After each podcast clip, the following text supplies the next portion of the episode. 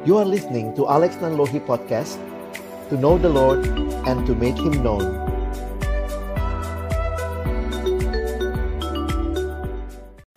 Mari kita berdoa. Tuhan kami bersyukur punya Allah seperti Engkau yang bukan hanya bertahta tinggi di atas sana, tetapi turun ke dalam dunia menjadi sama dengan kami, manusia. Bahkan dalam keadaan sebagai manusia, Engkau merendahkan dirimu, mengambil rupa seorang hamba dan taat sampai mati, sampai mati di kayu salib. Dan karena itulah kami meninggikan Engkau ya Tuhan, karena kami bisa melihat teladan yang sempurna. Dan Tuhan pun memanggil kami untuk boleh meneladanimu. Kami akan membuka firman-Mu ya Tuhan. Kami mohon ketika kami membuka firman-Mu, bukalah juga hati kami. Jadikanlah hati kami seperti tanah yang baik, supaya ketika benih firman Tuhan ditaburkan boleh sungguh-sungguh berakar, bertumbuh, dan juga berbuah nyata di dalam hidup kami. Berkati baik hambamu yang menyampaikan firman setiap kami yang mendengar. Tolong kami agar kami bukan hanya jadi pendengar-pendengar firman yang setia, tapi mampukan dengan kuasa pertolongan rohmu yang kudus. Kami dimampukan menjadi pelaku-pelaku firman-Mu dalam hidup kami, di dalam masa muda kami. Bersabdalah ya Tuhan, kami anak-anakmu sedia mendengarnya dalam satu nama yang kudus, nama yang berkuasa, nama Tuhan kami Yesus Kristus. Kami menyerahkan pemberitaan firman-Mu. Amin.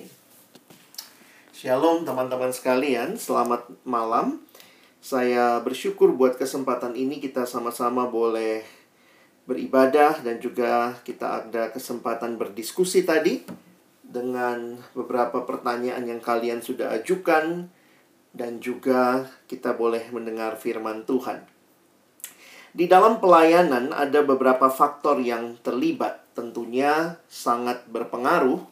Pertama yaitu kehadiran Allah sendiri yang tentunya tidak tergantikan karena itulah pelayanan kita menjadi pelayanan yang bisa uh, terus berjalan karena kehadiran Allah.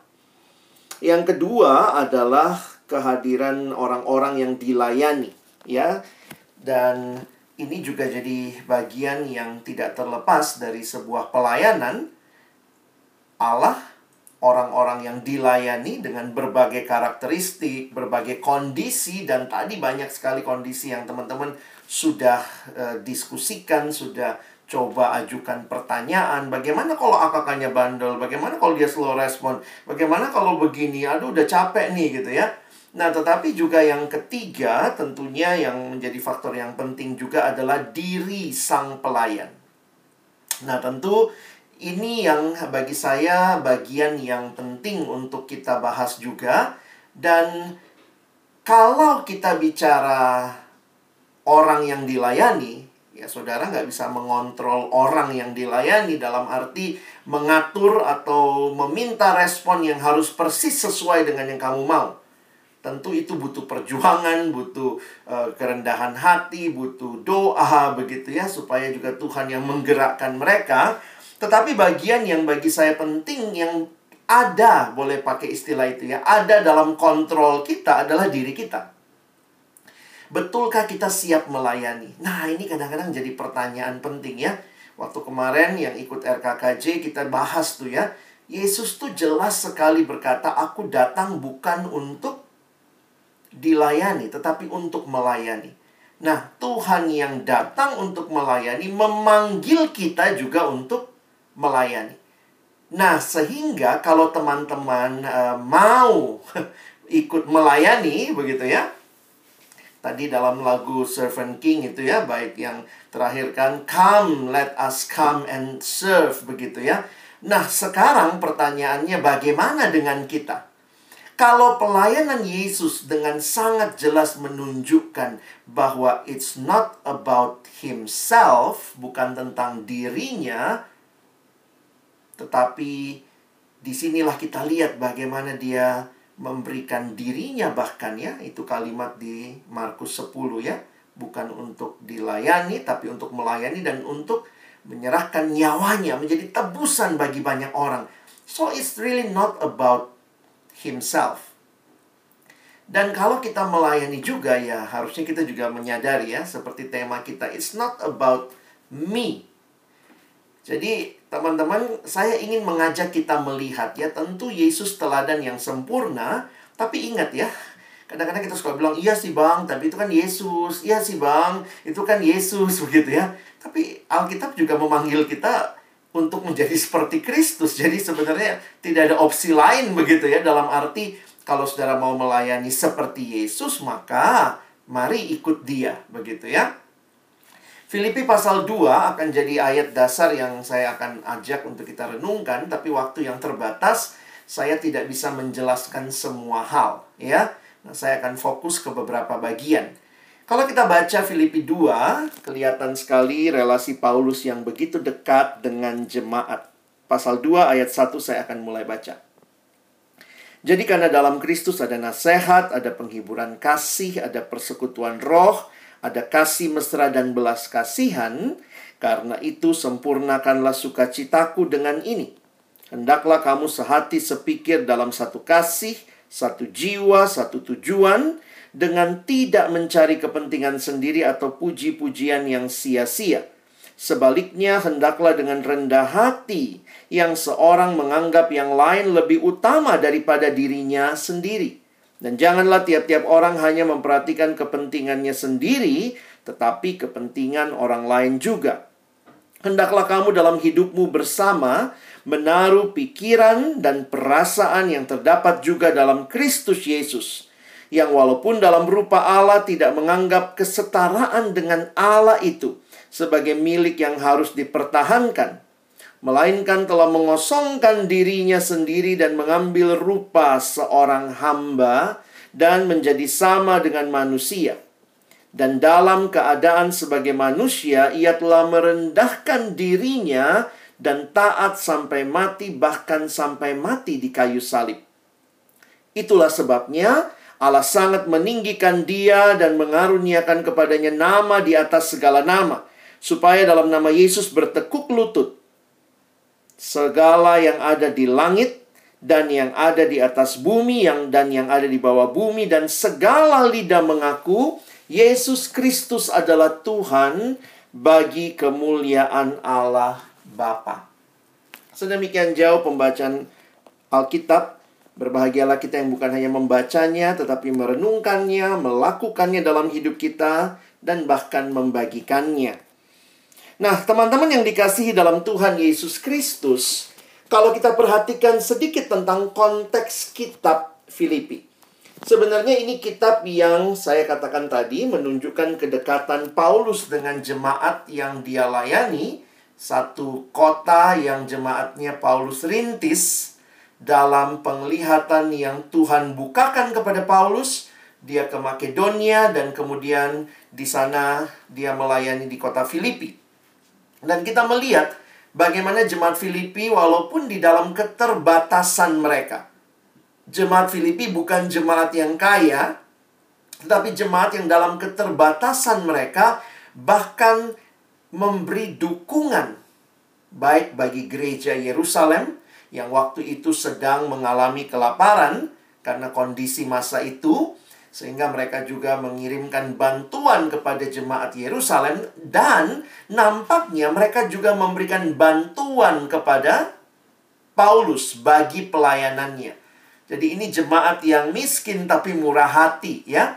Bagaimana Tuhan bahkan melihat mereka begitu luar biasa dan bahkan mengutus satu orang begitu ya. Nanti kalau kalian perhatikan di Filipi pasal yang yang ketiga mereka mengutus untuk menolong Paulus dalam pelayanan pelayanan Paulus yaitu Epaphroditus. Jadi mereka utus Epaphroditus melayani bersama Paulus. Jadi ini jemaat yang sangat baik kalau kita lihat dalam relasi dengan Paulus dan surat ini salah satunya nanti di pasal 4 Paulus men, apa ya say thank you, terima kasih untuk dukungan mereka. Tetapi selain ucapan syukur atas dukungan mereka, tetapi ada masalah juga ya. Nanti kalian perhatikan ya. Ada dua masalah yang kita bisa lihat di dalam Filipi 4 nampaknya ada masalah kesatuan. Ada dua orang tokoh perempuan yang mungkin adalah pemimpin jemaat. Itu berselisih. Itu nampaknya lagi nggak akur ya. Jadi ada masalah kesatuan itu di Filipi 4 ayat 20 ayat 2 dan 3 dan juga ada masalah pengajaran ya. Di Filipi 3 ayat 2 sampai 3 ada guru-guru palsu, penyunat-penyunat palsu yang Paulus bahkan sebut mereka anjing-anjing. Dan ketika dalam suasana seperti ini kita melihat bagaimana Paulus memberikan teladan yang menarik dari Kristus. Secara khusus dalam konteks kesatuan, teladan Kristus ini menjadi teladan yang harusnya dimiliki oleh jemaat yang juga katanya mengaku ikut Yesus. Jadi bagi saya jadi menarik ini ya. Ini buat jemaat. Kalau buat jemaat saja harus begini, apalagi pelayannya. Kira-kira begitu ya. Jadi coba lihat ayat 1 sampai 2 ini. Kita lihat itu ya yang abang bikin warnanya berbeda di situ kelihatan nampaknya ada masalah kesatuan. Makanya Paulus bilang ayolah sempurnakan sukacitaku. Sehatilah kamu sepikir dalam satu kasih satu jiwa satu tujuan. Dan bahkan di ayat 1 Paulus bilang kamu tuh sudah punya. Jadi kata jadi karena dalam Kristus itu menunjukkan kalau lihat terjemahan bahasa Inggrisnya digunakan kata if. Jadi itu sebuah sebuah realita. Jadi bukan pengandaian yang belum terjadi. Tapi Paulus mengatakan kamu itu dalam Kristus sudah punya nasihat, sudah punya penghiburan kasih, persekutuan roh, kasih mesra, belas kasihan. Ayo dipakai semua itu ya. Nah ini jadi menarik nih. Jadi Paulus mendorong mereka, ayo jemaat. Kalau pemimpinmu berantem, ya kamu kadang-kadang gitu ya. Berantemnya pemimpin, jemaatnya ikutan gitu ya. Mungkin blok-blokan ya. Satu bloknya uh, Eudia, satu bloknya Sintike gitu ya. Nah, maka didoronglah mereka untuk sehati sepikir satu kasih. Dilanjutkan lagi, perhatikan ayat yang ketiga dengan tidak mencari kepentingan sendiri atau puji-pujian yang sia-sia. Sebaliknya, hendaklah dengan rendah hati. Nah, ini kata kuncinya. Rendah hati yang seorang menganggap yang lain lebih utama daripada dirinya sendiri. Wow.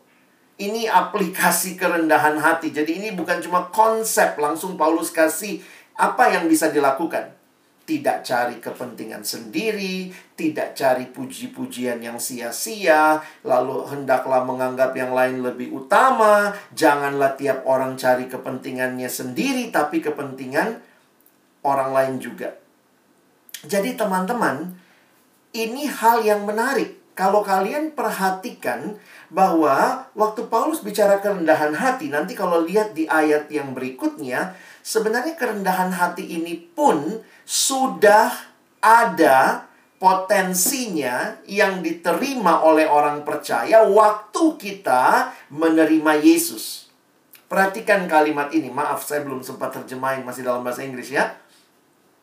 Humble mindedness, jadi uh, memiliki pikiran yang rendah hati atau kerendah hatian is not something to be achieved by Philippians on the basis of their own unaided efforts. Jadi ini bukanlah sesuatu usaha yang harus mereka peroleh. Ayolah kamu coba mencapai kerendahan hati. Tidak. It is something to be received from Christ, partaken of it of in Christ and renewed by Christ. Jadi ini adalah sesuatu yang mereka sudah terima di dalam persekutuan mereka dengan Kristus. Jadi teman-teman menarik ya. Nanti kalau kalian belajar tentang buah roh, ingat ya, Salah satunya buah roh adalah rendah hati. Rendah hati itu bukan buahnya kita dari awalnya waktu masih uh, atau sebelum kita kenal Yesus kita dalam dosa yang nggak mungkin rendah hati. Tetapi waktu kita sudah percaya Kristus Roh Kudus dalam diri kita, maka ada potensi dengan kehadiran Roh Kudus kita bisa rendah hati. Makanya dibilang buah roh. Dalam persekutuan dengan Roh Kudus, maka kita bisa mengalami kerendahan hati, tapi itu bukan usaha kita semata-mata, tetapi itu adalah karunia Allah bagi kita. Jadi makanya ini kalimatnya, it is something to be received from Christ, partaken of in Christ and renewed by Christ. Jadi teman-teman, saya mau kasih tahu begini. Betul, mungkin kalian ngomong, aduh Bang Alex, abang sih ngomongnya Yesus, aduh tinggi banget kayaknya Yesus gitu ya. Wah, kalau Yesus mengutamakan orang lain, wow, itu Yesus bang. Tapi lihat penjelasan ini. Ini satu penjelasan dalam persiapan saya yang sangat melegakan. Karena saya takut nih khotbah, aduh, ayolah, ayolah. Terus kalian bilang, bang, tapi itu kan Yesus. Tapi lihat, kalau kau sungguh-sungguh mengalami karunia Allah, maka roh kudus yang diam di dalam dirimu bisa membuat kamu alami tema sore hari ini. Masih ingat tema kita hari ini apa? It's not about me. Kalau kamu masih hidup dalam dosa, dalam daging, itu buah daging, it's all about me. Hanya ketika engkau bersatu dengan Kristus, maka kamu bisa berkata juga, it's not about me. Makanya saya pikir gitu ya, kalau kita mau minta pelayan-pelayan Tuhan, ayo dong pikirin jemaat, ayo dong pikirin PM kamu, ayo dong. Jangan pikirin dirimu terus, jangan pikirin susahnya kamu mengontak mereka, jangan cuma pikirin bagaimana kamu punya pergumulan ini dan itu. Tapi kalau kamu dipanggil pelayanan, Tuhan kasih kemampuan ini. Nah, menarik juga kalimatnya. It is an ongoing gift. Ini kalau dijelasin panjang ya. Jadi sederhananya begini. Kerendahan hati itu sudah dikasih potensinya. Tetapi juga kita berarti sudah miliki ya. Tetapi itu bukan seperti sesuatu yang kita sudah terima dengan yang bisa kita simpan. Nah, ini kalimatnya menarik. It is an ongoing gift, not a possession. A gift That is new each morning. Saya kasih contohnya begini kali ya. Ini bukan sesuatu yang kamu terima lalu kamu simpan. Wah, saya simpan kerendahan hati. Tapi penjelasan kalimat ini mau menyatakan bahwa kerendahan hati itu kita alami ketika setiap pagi, setiap hari kita datang dan menerima dari Tuhan apa yang sudah Tuhan berikan potensinya untuk kita terus alami itu mirip kayak mana ya. Tuhan bilang saya pelihara kamu. Tapi Tuhan nggak langsung kasih makanan 40 tahun. Gimana kamu cara dapatnya? Tiap hari pungut lagi. Tiap hari pungut lagi. Jadi kerendahan hati ini juga digambarkan karena ternyata kalimat bahasa aslinya itu dalam bentuk present, aktif, imperatif, sesuatu yang terjadi terus-menerus. Teman-teman ini berita sukacita sore hari ini. Dalam Kristus kita bisa alami semua yang nanti kalian dengar abang khotbahkan. Bisa, kenapa? Karena Tuhan sudah memberikan bagi kita potensinya waktu engkau terima Yesus dan melalui persekutuanmu dengan Tuhan setiap hari kamu makin ditolong menikmati dan menjalankan pelayananmu. Ya, jadi hari ini kita mau belajar kerendahan hati Kristus, tapi jangan bilang bang susah. Lihat, Allah memberikan ini jadi bagian kita. Ya, mari kita lihat the great humility of God. Kalau kalian lihat orang melakukan sesuatu, misalnya ya tiba-tiba nih ya, tiba-tiba kamu lihat misalnya ada seorang presiden, tiba-tiba dia turun nyapu di depan istana. Apa yang kira-kira muncul di benakmu? Pasti kita mikir gini. Pertama, kok dia lakukan itu? Terus yang kedua kita tanya, kenapa dia lakukan itu? Biasa gitu ya. Selalu yang kita tanya bukan hanya lihat tindakannya, tetapi juga ada apa di balik tindakan itu. Kira-kira apa yang ada di benaknya dia ya? Nah, menarik sekali teman-teman, sebelum Paulus bicara tentang apa yang Kristus lakukan, Paulus bicara tentang ayat 5. Lihat ayatnya. Jadi Paulus bilang gini ya. Hendaklah kamu dalam hidupmu bersama menaruh pikiran dan perasaan yang terdapat juga dalam Kristus Yesus. Menarik teman-teman ada ayat ini. Bayangkan kalau nggak ada ayat ini. Kalau kita harus melakukan semua yang Yesus lakukan, serem juga kan? Mati di kayu salib. Waduh, siapa yang ngurusin PMK? Tetapi Paulus mau mengatakan begini. Tindakannya yang di luar bisa berbeda-beda ekspresinya. Tetapi mari kamu yang ikut Yesus, kamu mengerti apa yang ada di dalam pikiran dan perasaan Yesus. Jadi gini, kita bukan diminta lakukan apa yang Yesus lakukan. Kalau belum tentu itu dibutuhkan. Yang kita diminta, milikilah pikiran dan perasaan seperti Yesus. Nanti dari pikiran dan perasaan itu muncul aplikasinya, ya. Nah, makanya kata pikiran dan perasaan itu menarik. Kenapa menarik?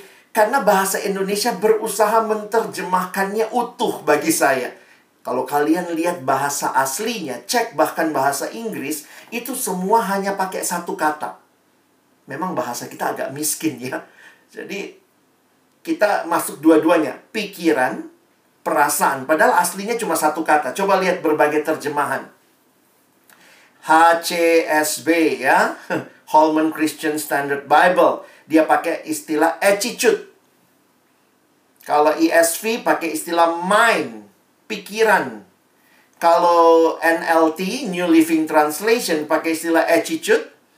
Kalau NASB, New American Standard Bible, pakai istilah attitude. Kalau The Message, pakai istilah think. Ya, the way Christ.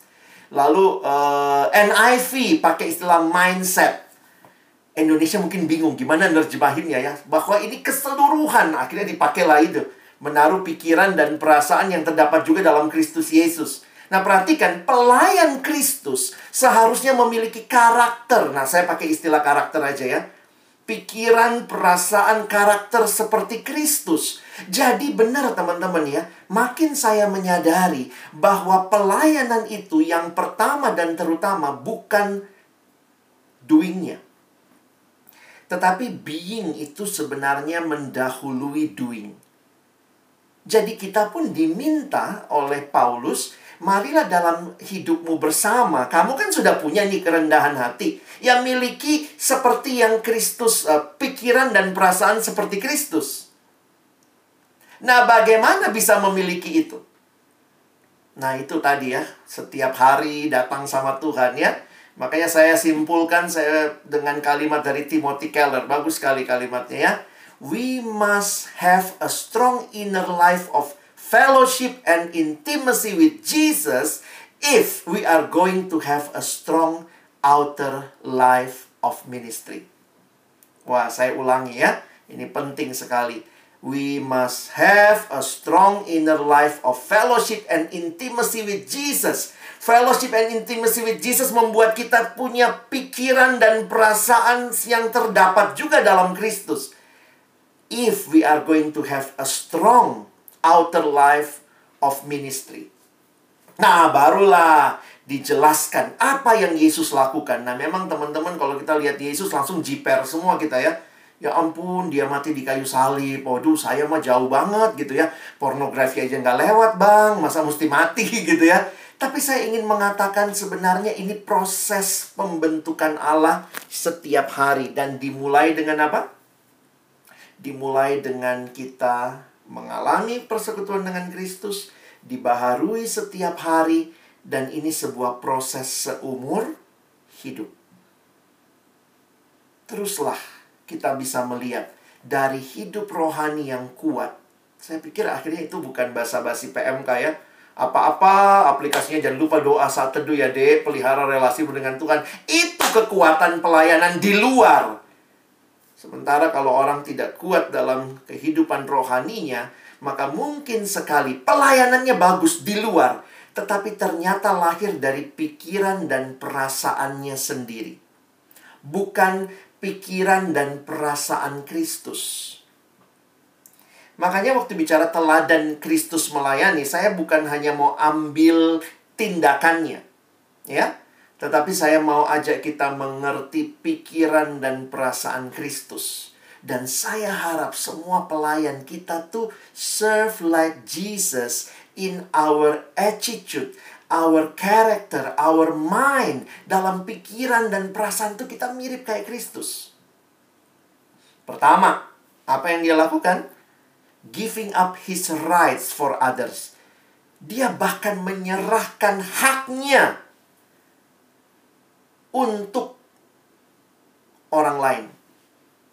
Teman-teman lihat ya Filipi 2 ayat 6 ya. Ini wah kalau diekspos luar biasa tapi Abang nggak ada waktu ya. Intinya begitu ya. Tidak menganggap keseteratan keserat, keseteratan dengan Allah itu sebagai milik yang harus dipertahankan. Tidak menganggap kesetaraan itu sebagai milik yang harus dipertahankan. Dia mengosongkan dirinya. Itu istilah yang menarik ya. Kamu mau kasih hakmu menikmati Tuhan Yesus itu kan Tuhan ya teman-teman ya. Dia tuh bisa aja di, di atas sana, ongkang-ongkang kaki ya. Dia nikmati haknya. Tapi dia melepaskan haknya. Bisa sih bang, saya bisa aja nonton Korea, tapi saya melepaskan hak saya untuk rapat pengurus misalnya. Bisa jadi kan? Jadi melepaskan hak untuk kepentingan orang lain. Dan makanya kalau kita bilang kita mesti ikut Yesus kan kita bukan Tuhan, kita ngelepasin diri dari apa? Coba, mungkin ada nggak ikatan-ikatan yang mungkin sangat mengikat kita yang kita anggap ini hak saya. Ya ini bukan sesuatu yang ya saya nggak mesti-mesti juga, ini hak. Saya mau lakukan boleh, enggak. Tapi untuk melayani, kadang-kadang kita harus melepaskan hak kita bagi orang lain. Dan itu satu satu hal yang bagi saya menarik, Tuhan juga teladankan. Yang kedua, becoming less so other become more. Banyak orang dalam pelayanan mungkin berpikir bagaimana dia become more. Nah, itu makanya lagu sekolah minggu ya. Dia harus makin bertambah, ku harus makin berkurang. Tapi jujur aja, kita kadang-kadang pengennya makin dikenal, makin signifikan, makin berarti. Dan kalau itu yang terjadi, sebenarnya di sisi lain perhatikan, jangan-jangan to become more, we make others become less. Tapi ini yang terjadi, dia makanya kalau tadi lihat ya, Yesus itu Allah jadi manusia. Waduh, itu gimana membayangkannya? Allah jadi manusia sulit kita bayangkan bagaimana pencipta jadi ciptaan itu aja nggak terbayangkan. Seorang bernama eh, teolog bernama Marfadon dalam satu tulisannya dia mengatakan how can we understand pencipta jadi ciptaan itu seperti gini. Pernah nggak membayangkan pembuat sepatu jadi sepatu? Wih, itu aja udah wow, ha? pembuat sepatu jadi sepatu. Allah jadi ciptaan, Allah jadi manusia, tetapi bahkan waktu dia datang sebagai manusia, ia mengosongkan dirinya sendiri dan dia mengambil rupa bukan cuma manusia biasa, bangsawan yang lahir di istana. Yesus mengambil rupa tanda kutip seorang hamba. Kata yang dipakai ini dulos. Jadi sama dengan kita, bahkan dalam derajat yang paling rendah. Teman-teman kadang-kadang untuk melayani, orang mungkin juga nggak ingat apa yang kau lakukan. Kadang-kadang kita suka gini, syukur-syukur nih orang nih. Saya juga mahasiswa, saya juga banyak kerjaan, saya juga ada skripsi yang harus dilakukan. Gile, gue nggak direspon, slow respon banget sih gitu ya. Kadang-kadang kita ber, berharap memang kita di notice. Wah itu nggak mudah memang ya itu itu caranya kita yang sering kali tanpa sadar merasa berjasa sehingga bukan akhirnya kita belajar menjadi semakin kecil supaya orang lain makin dilayani. Saya membayangkan apa yang Yesus lakukan benar deh kalau bukan saya punya Roh Kudus dalam hati saya. Kalau kita nggak punya Roh Kudus nggak mau deh kita tuh maunya dilayani itu udah natur kita daging kita mengatakan jangan ngerendahin diri. Kamu tuh wah dibanggakan begitu rupa ya. Nah, di sisi yang positif, becoming less so other become more, saya pikir ini kalian bisa pelajari di Matius 9 35 38. Ya, ini ayat juga yang uh, pengurus minta disinggung paling tidak ya. Saya akhirnya menempatkan dalam kaitan ini. Yesus berkeliling ke semua kota dan desa. Lihat ya, jangan pikir, wah desanya zaman itu sedikit ya bang. Iya, karena di sini yang di peta itu kota besar. Saya saya baca sebuah komentar mengatakan survei di zaman Yesus, kota dan desanya kira-kira minimal 200 kota dan desa. Berarti memang ya pelayanannya Yesus tuh meluas, tapi juga sisi yang lain itu uh, pasti sibuk ya. Pasti capek. Makanya kalau ada yang mau melayani tapi nggak mau capek salah masuk coy gitu ya. Masuk tempat lain aja gitu ya. Lalu kemudian yang Yesus lakukan oh ini kota-kotanya kalian bisa lihat lah ya yang Yesus lakukan ada tiga hal ya kalau kita simpulkan dalam bahasa Inggris lebih gampang teaching preaching and healing jadi lihat, udah keliling semua kota dan desa, lalu melakukan semua ini. Dan saya yakin ya, Tuhan Yesus tuh kalau menyembuhkan pasti agak, bukan agak lah ya, pasti individual ya. Atau kalian kebayangnya gimana? Apa Yesus kalau nyembuhin, oke, okay, pilek, pilek, satu baris, pilek, satu baris. Oke, okay, satu baris, kusta, kusta, satu baris. Uh, buta, buta, satu baris. Lalu nanti, cuy, gitu, cu, cu, selesai gitu. Saya sih yakinnya satu-satu dilayani ya. Karena itu membutuhkan tenaga, energi, dan pasti capek. Dan ayat yang diberikan kepada kita di ayat 36 melihat orang banyak itu tergeraklah hati Yesus oleh belas kasihan kepada mereka karena mereka lelah dan terlantar seperti domba tidak bergembala. Teman-teman, visi itu apa? Visi itu melihat dan Yesus melihat mereka seperti domba tidak bergembala. Di Alkitab kalau kalian mengerti kedombaan, domba tak bergembala itu cuma satu kata, binasa. Waktu melihat domba tidak bergembala, maukah kau menjadi less so other become more? Kata yang digunakan adalah Yesus punya belas kasihan. Kata belas kasihan, bahasa aslinya itu compassion. Ini dari kata Latin, kalau bahasa uh, compassionnya ya. Dari kata Latin compati, yang berarti means to suffer with. Menderita bersama. Nah ini satu penjelasan yang menarik yang saya temukan. Compassion means someone else heartbreak becomes your heartbreak apa yang menjadi kehancuran hati orang lain itu jadi kehancuran hati kita. Waktu Yesus lihat mereka seperti domba tidak bergembala, itu hatinya siapa sih? Itu pasti hatinya Allah kan? Tuhan biarlah aku digerakkan oleh pandangan yang bisa melihat seperti yang engkau lihat dan hatiku hancur dengan hal-hal yang menghancurkan hatimu. Kadang-kadang kita nyanyi ya, berikanku hati seperti hatimu. Wah, itu gambaran bahwa Tuhan biarlah hatiku hancur untuk hal-hal yang juga menghancurkan hatimu. Yesus lihat mereka seperti domba tidak bergembala. Karena itulah dia rela melayani mereka. Another suffering becomes your suffering. True compassion changes the way we live. Nah, gimana kita bisa punya hal seperti ini? Hanya kalau kita punya mata seperti matanya Yesus, hati seperti hatinya Yesus, yang berbelas kasihan, yang murah hati. Waktu kita sebutin semua, eh itu buah roh ternyata ya punya kasih, punya sukacita, punya damai sejahtera. Dan ingat, kita belum bukan ber, kita bukannya belum punya, tapi potensi itu sudah diberikan ketika engkau terima Yesus, maka engkau bisa hidup seperti itu, meniru Kristus. Tapi engkau perlu datang tiap hari di charge lagi, diutus, balik lagi, diutus lagi. Ini bukan sesuatu yang kita bisa simpan. Oh, saya punya 5 kg uh, compassion saya punya 5 kg kerendahan hati. Tidak. Bagi saya menarik kalimat tadi ya. All of this is not possession. Itu sudah kita terima. Tetapi itu sesuatu yang akan kita nikmati dalam relasi setiap hari. The idea, nah pertanyaannya dari mana ide compassion?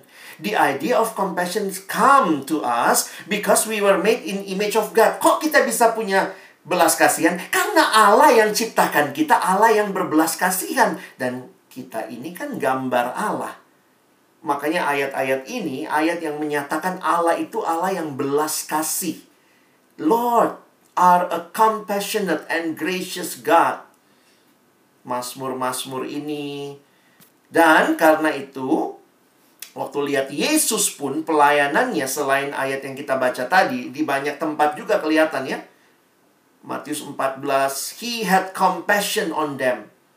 Jesus had compassion on them. Hanya kalau engkau berelasi dengan Allah, maka apa yang menghancurkan hati Allah, itu pun akan menghancurkan hatimu. What breaks God's heart will break your heart if you have deep relationship with God. Tapi kalau kamu nggak punya, kita cuma lagi main pelayanan-pelayanan gitu ya. Ya udah, pelayanan apa ya? Udah ada program harus dilakukan dan seterusnya. Karena itu Tuhan bilang ya, tuayan banyak, pekerja sedikit. Maksudnya siapa nih? Pekerja yang punya hati seperti hati Tuhan sedikit. Banyak orang melayani, tapi sedikit yang punya hati seperti hatinya Kristus. Karena itu apa? Doa, minta. Tadi saya di kelas Bang Rey ya, gimana caranya? Minta dalam doa, Tuhan berikan kami pengurus. Dari mana itu? Hanya kalau mereka ketemu sama Tuhan, hatinya diubahkan oleh Tuhan, digerakkan, barulah mereka bisa juga punya hati bagi orang lain. Jadi, becoming less so other become more itu gimana ya? Kita tuh bukan makhluk kayak gitu ya. Alex ini orang egois banget. Tapi waktu saya terima Yesus, saya mulai bisa nangis untuk pergumulan orang lain. Lihat orang gak kenal Yesus, saya nangis. Waktu saya lihat keluarga saya ternyata belum sungguh-sungguh dalam Yesus. Waktu saya baru bertobat kelas 1 SMA, saya dan kakak saya kami berdoa setiap hari untuk pertobatan keluarga. Kita bisa nangis. Dulu boro-boro nangis buat orang lain. Nangisnya kenapa? Ya gua nggak dapet ini gua it's all about me. But when you have Christ's heart in you it's not about me. It's about God and His kingdom. It's about others. Ah ini indah sekali kalau dibayangkan ya di, dipikirkan di expose gitu ya. Abang ngalamin tuh ya bahwa uh, ini mungkin kok ya ini mungkin semua ya karena kasih Tuhan dan berikutnya, being obedience whatever the cost. Wah, ini saya udah banyak bahas juga sebenarnya ya. Harganya apa ya? Taat sampai mati. Memang Tuhan nggak minta kita semua mati ya. Kalau kita mati ya siapa yang melayani. Tapi Tuhan minta yang hidup benar-benar bisa alami ini ya. Yesus berkata, yang ikut aku, sangkal diri, pikul salib, ikut aku. Nah, teman-teman bisa hayati ya. Kadang-kadang kita uh, dulu saya bilang sama satu kampus ya waktu bahas bayar harga dalam pelayanan. Dia bilang, "Bang, kami begini begini begini begini." Terus saya kan baru bahas, "Dek, kamu melayani sampai mana?" Iya bang, kita udah lakukan ini, ini, ini, ini, ini. Dia bilang lah semua yang dia lakukan ya. Waktu itu belum pandemi. Terus saya bilang, dek, jangan lupa loh, Yesus juga melayani.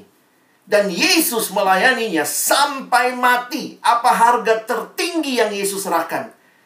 Nyawanya sampai mati. Wih, oh gitu ya bang. Jadi saya bilang, kamu gimana? Aku lagi, waktu itu dia bilang, aku lagi nggak uh, ini bang, aku lagi capek bang. Saya bilang, capek kan dek, belum mati. Ayo pelayanan lagi, gitu ya. Saling menyemangati lah, bukannya bilang menuntut ya, tapi uh, jadi kita selalu diingatkan, Yesus melayani sampai apa? Sampai mati kamu belum mati baru uh, iya bang aku pelayanan dimarahin orang tua orang tua aku nggak ngerti pelayanan. Menurut abang gimana? Saya bilang dek yuk pelayanan lagi.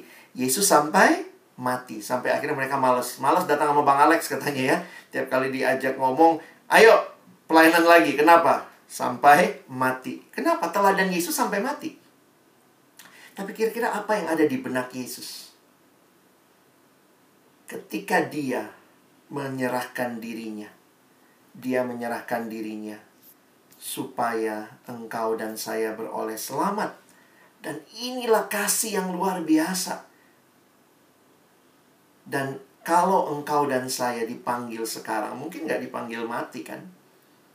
Tuhan masih panggil bayar harga, Tuhan panggil untuk sediakan waktu lebih, berikan perhatian, pulsamu, berikan untuk orang-orang yang kamu layani, kontaklah mereka dengan rutin, doakan mereka berarti ambil waktumu, ambil jam doamu. Apakah kita punya pikiran dan perasaan yang sama? Orang itu kalau mengasihi, kalau sungguh-sungguh mengasihi, bahkan rela kasih nyawanya loh. Abang ingat waktu seorang adik meninggal, adik sekolah minggu saya. Dan di pinggir, waktu itu dia masih muda, SMP kelas 1 kalau nggak salah ya. Jatuh dari truk, meninggal. Lalu kemudian mamanya di samping peti itu ya nangis-nangis. Tuhan, ambil aku aja Tuhan, jangan anakku, dia masih muda Tuhan Ambil aku Tuhan Itu ya orang kalau kasih ya Dia bilang ambil aku Tuhan Jangan dia Dia mau kasih nyawanya Coba kalau Tuhan dengar Terus Tuhan bilang oke okay, kau yang mati gantian Anakmu yang bangkit Terus anaknya bangkit lagi Aduh Tuhan jangan mamaku yang mati Aku aja yang mati gantian lagi. Mau sampai kapan gitu ya? Nah waktu saya membayangkan itu teman-teman Iya juga ya. Orang tuh kalau mengasihi sampai rela kasih nyawanya. Jadi waktu Yesus memberikan nyawa itu bukti kasih yang luar biasa. Dan Tuhan saya ini bukan orang yang mau ngasih nyawa untuk orang lain Tuhan saya egois. Tapi kalau saya alami kasihmu Tuhan biarlah makanya waktu lihat beberapa misionaris ya yang kadang-kadang kesaksiannya ya sampai mati di tanah ini saya pikir Tuhan terima kasih. Ada seorang bernama Nomensen datang ke tanah Batak. Teman-teman tahu sebelum Nomensen ada misionaris lain kan? Ada dua misionaris yang datang sebelum Nomensen.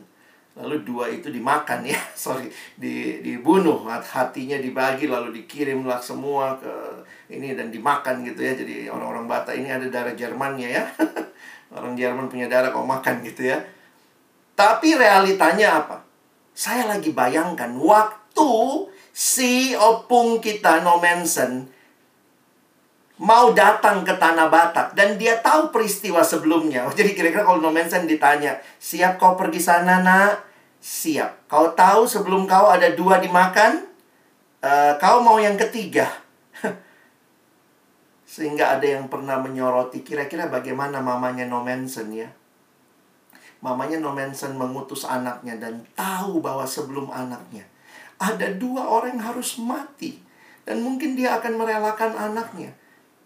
Tapi benar teman-teman, tanpa orang yang mengutamakan kerajaan Allah dan orang lain lebih daripada nyawanya sendiri, maka tidak ada pertobatan. Tuhan berkarya melalui penyerahan diri yang sungguh-sungguh dari hamba-hambanya. Teman-teman kita mau kampus-kampus kita bangkit. Apa pikiranmu? Apa perasaanmu? Makin mirip Yesus kah? Ini pertanyaan penting bagi kita. Dan terakhir, bukan cari pujian manusia. Not seeking man's applause. Itulah sebabnya Allah sangat meninggikan dia. Teman-teman, waktu saya perhatikan semua ini, Tuhan Yesus kan dikatakan dia rendah hati, miliki pikiran seperti dia. Teman-teman, saya, uh, saya ingat waktu saya kuliah tingkat satu, saya PA dari sini ya. Dan waktu itu terbuka sekali pikiran saya melihat begini dia merendahkan diri untuk apa? Ngapain dia merendahkan diri? Merendahkan hatinya. Kadang-kadang kita ini manusia sok rendah hati, tapi rendah hati papan loncat. Pura-pura merendah supaya kalau ting naik tinggi banget. Kamu MC ya jangan aku dong, kamu MC jangan aku dong. Dalam hati paksa terus, paksa terus. Kau aja, oh, ya udahlah, ya deh aku aku nggak terlalu bagus suaranya. Dalam hati hmm, nanti kau denger aku nyanyi. Terus waktu nyanyi bagus banget. Terus orang bilang ih hebat banget kau ya. Terus dalam hati hmm, puji diri haleluya. Hmm, bagus kan aku? Banyak orang sok rendah hati untuk meninggikan kualitas. Itu bikin malu sebenarnya. Itu bukan kerendahan hati yang sejati. Karena dalam kerendahan hati yang sejati yang dipikirkan bukan apa yang saya dapat. It's not me Kerendahan hati Yesus bukan demi dirinya, tapi demi kita umat manusia. Jadi dia rela tidak dapat apa-apa kalau pakai bahasa manusia. Karena itulah ayat 9 mengatakan itulah sebabnya Allah sangat meninggikan dia. Wow, teman-teman, kalau engkau cari kerendahan hati demi cari kepuasan ketenaran diri, sebenarnya engkau bukan sungguh-sungguh rendah hati. Tapi kalau engkau rendah hati yang sungguh-sungguh, maka mungkin engkau tidak melihat apa-apa dalam kemegahan. Tetapi yang akan meninggikan engkau, Allah sendiri. Yang memang melihat kerendahan hatimu. Teman-teman, ini semua mungkin karena karya Kristus bagi kita, karena Roh Kudus yang diam di dalam kita waktu kita datang bersekutu dengan Tuhan. Inilah anugerah itu. Anugerah itu dari surga di atas sana, tapi Dia turun, turun, turun, dan menjangkau kita. John Stott berkata sebagai slide kesimpulan saya.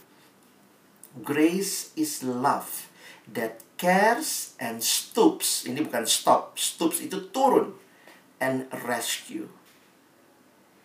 Anugerah itu adalah kasih yang peduli, yang rela turun dan bahkan menyelamatkan. Bagaimana dengan kita? Bagaimana dengan pelayanan kita? Is it all about us? Me, me, and me? Atau waktu kita alami dari Tuhan dan kita akan terus berkata, bagimulah Tuhan pelayananku dan hidupku.